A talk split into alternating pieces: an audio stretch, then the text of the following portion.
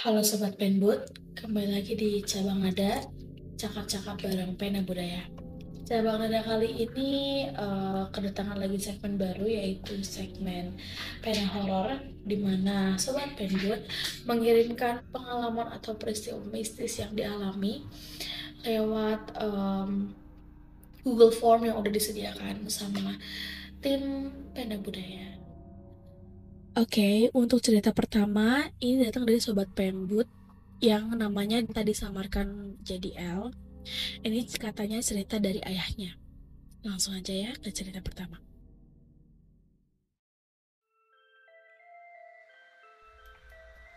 Dari dulu, ayah emang aktif banget berkecimpung di organisasi. Salah satunya pramuka. Waktu itu, ada kegiatan ujian kenaikan tingkat pramuka yang berlangsung selama tiga hari dua malam. Kebetulan di acara itu ayah bertugas sebagai ketua pelaksananya.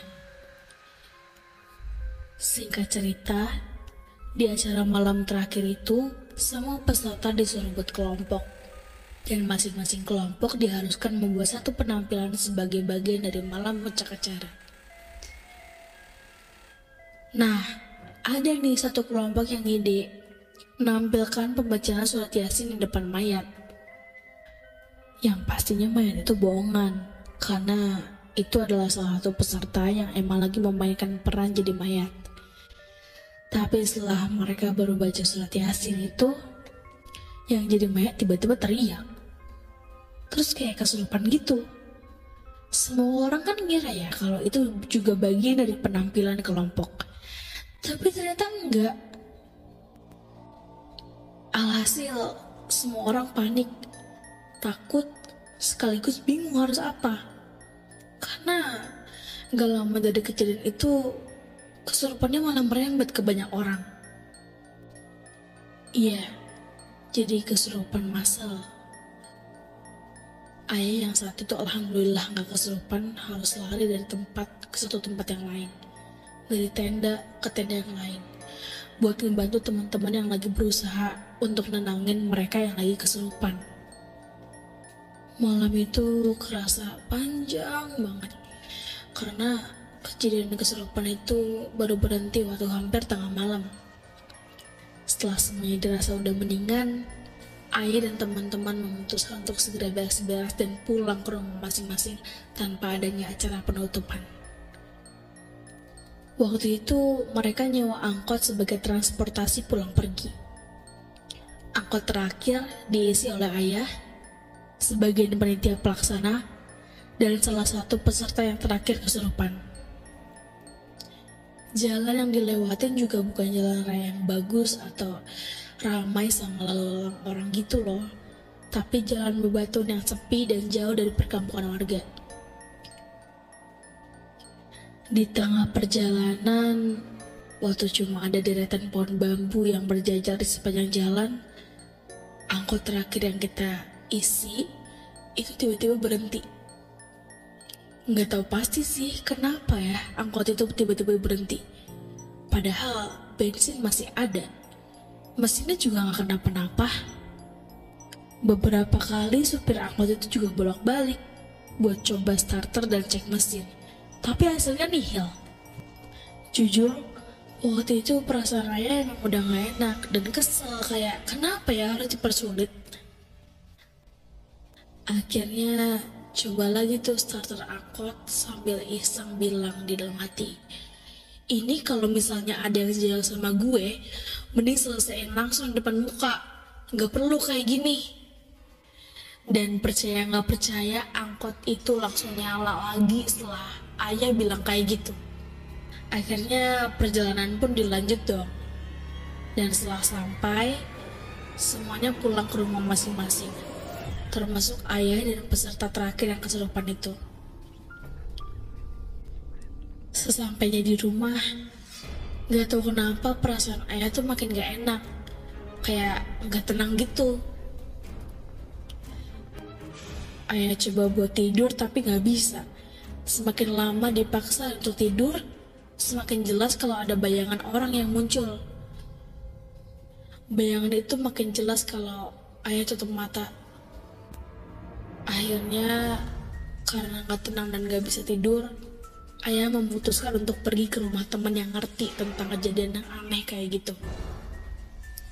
Waktu itu sekitar jam 2 pagi, ayah lari biar cepat-cepat sampai ke rumah temannya itu. Setelah sampai ke rumahnya, dia udah berdiri depan pintu kayak lagi nungguin orang. Akhirnya iseng dong ditanya, lagi ngapain pagi-pagi gini di depan rumah? Terus dia jawab, kamu kan mau datang, jadinya saya tungguin di sini. Ayah yang dengar jawaban itu kaget banget waktu ternyata dia udah tahu kalau ayah bakal datang ke rumahnya sepagi itu. Setelah itu ayah disuruh masuk dan ditanya ada apa. Terus ayah ceritain semuanya dong dan jawabannya cuma iya, udah tahu. Dianya juga ada di sini kok di samping kamu. Mau lihat? Sementara ayah langsung bilang gak mau dong sambil geleng-geleng kepala. Katanya sosoknya perempuan yang marah ke ayah karena ayah secara nggak sengaja pernah motong-motongin daun yang gugur dari pohon yang jadi tempat tinggal dia.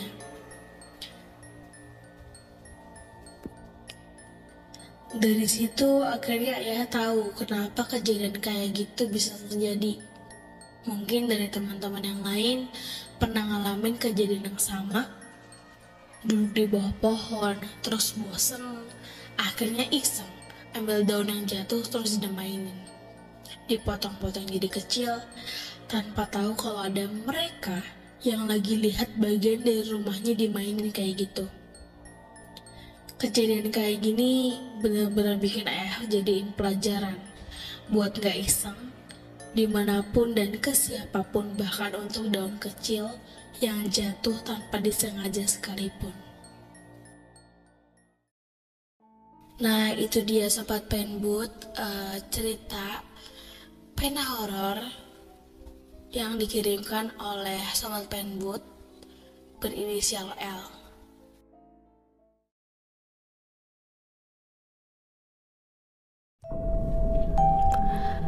Halo Sobat Penmood, kembali lagi di Cabang Nada dan kali ini, khususnya di bulan ini, Cabang Nada akan hadir selama bulan Oktober dengan pena horor dalam edisi Oktober Seram. Pena horor akan membacakan pengalaman mistis yang Sobat Penmood sudah kirimkan. Selamat menikmati bulu kuduk yang berdiri, karena kamu tak pernah sendiri.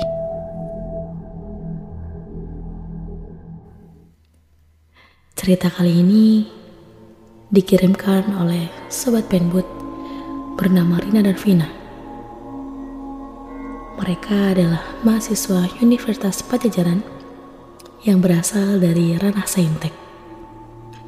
Yang katanya daerah terseram di univ itu. Walaupun mereka sudah puluhan kali mendengar cerita hantu tentang fakultas, tentang kampusnya gitu dari kawan-kawannya. Tapi karena mereka adalah tipe orang yang cuek, jadi mereka nggak mudah percaya tentang rumor-rumor yang ada di sekitarnya. Suatu malam, ketika Rina sedang berada di kampus, ia melihat dari kejauhan seseorang dengan wajah pucat dari area parkir. Rina berpikir kalau orang itu adalah salah satu temannya. Tapi saat Rina melihat lebih jelas dan hendak memanggilnya, tiba-tiba orang tersebut menghilang. Hayo lo, ngapain sih? Sapa Vina. Aku kira apaan dah? Lagian kenapa sih tiba-tiba muncul dari belakang? Ngagetin aja. Jawab Rina. Hah? Kamu lihat di mana, Rin? Gak ada orang tadi yang kulihat. Kata Vina. Masa sih? Tadi ada di depan. Saya lihat mungkin ya. Jawab Rina. Saat hendak pulang, Rina melihat ada bercak ludah di salah satu lantai suatu lorong. Karena merasa risih, dia pun berinisiatif membersihkannya dengan ketus sambil berpikir siapa yang melakukan perbuatan jorok tersebut. Setibanya di kosan, Rina kembali bercerita pada Vina tentang sosok yang dilihatnya dan tiba-tiba menghilang itu. Tapi Vina tiba-tiba ingin ke kamar mandi dan saat ia hendak ke kamar mandi, dia menemukan ludah yang sangat banyak di sekitaran kloset. Padahal Vina tahu betul kalau Rina bukan tipe orang yang jorok dan dia juga merasa tidak, pernah meludah seperti itu. Siapa sih yang ludah di kamar mandi? Elorin, tanya Vina.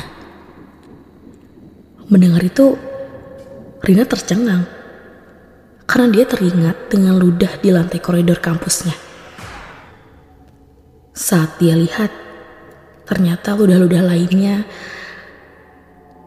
ada di bawah kasur hingga dekat pintu kosannya. Namun semuanya memiliki bercak seperti darah. Tanpa berpikir panjang, Rina buru-buru mengajak Vina keluar. Namun, saat mereka membuka pintu, sosok pocong dengan wajah seram berdiri tepat depannya. Pocong itu meludah dengan mata melotot. Rina pun pingsan, sedangkan Vina berteriak histeris sambil pergi meninggalkan Rina yang tergeletak di depan pintu kosannya. Keesokannya, baik Rina maupun Vina, mereka jatuh sakit selama beberapa hari ke depan.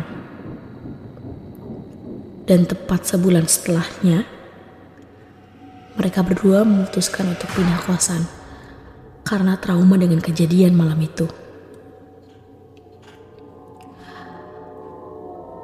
Rina tidak tahu apa yang ia berbuat yang mungkin bisa menjadi alasan kenapa dia dan temannya harus mengalami hal-hal seperti ini.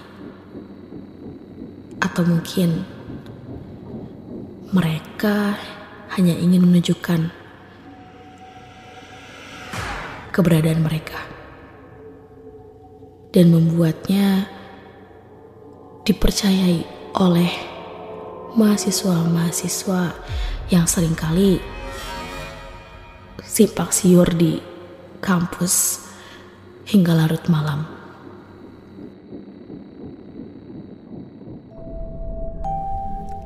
Dan itulah cerita tentang teror ludah pocong yang Rina dan Vina alami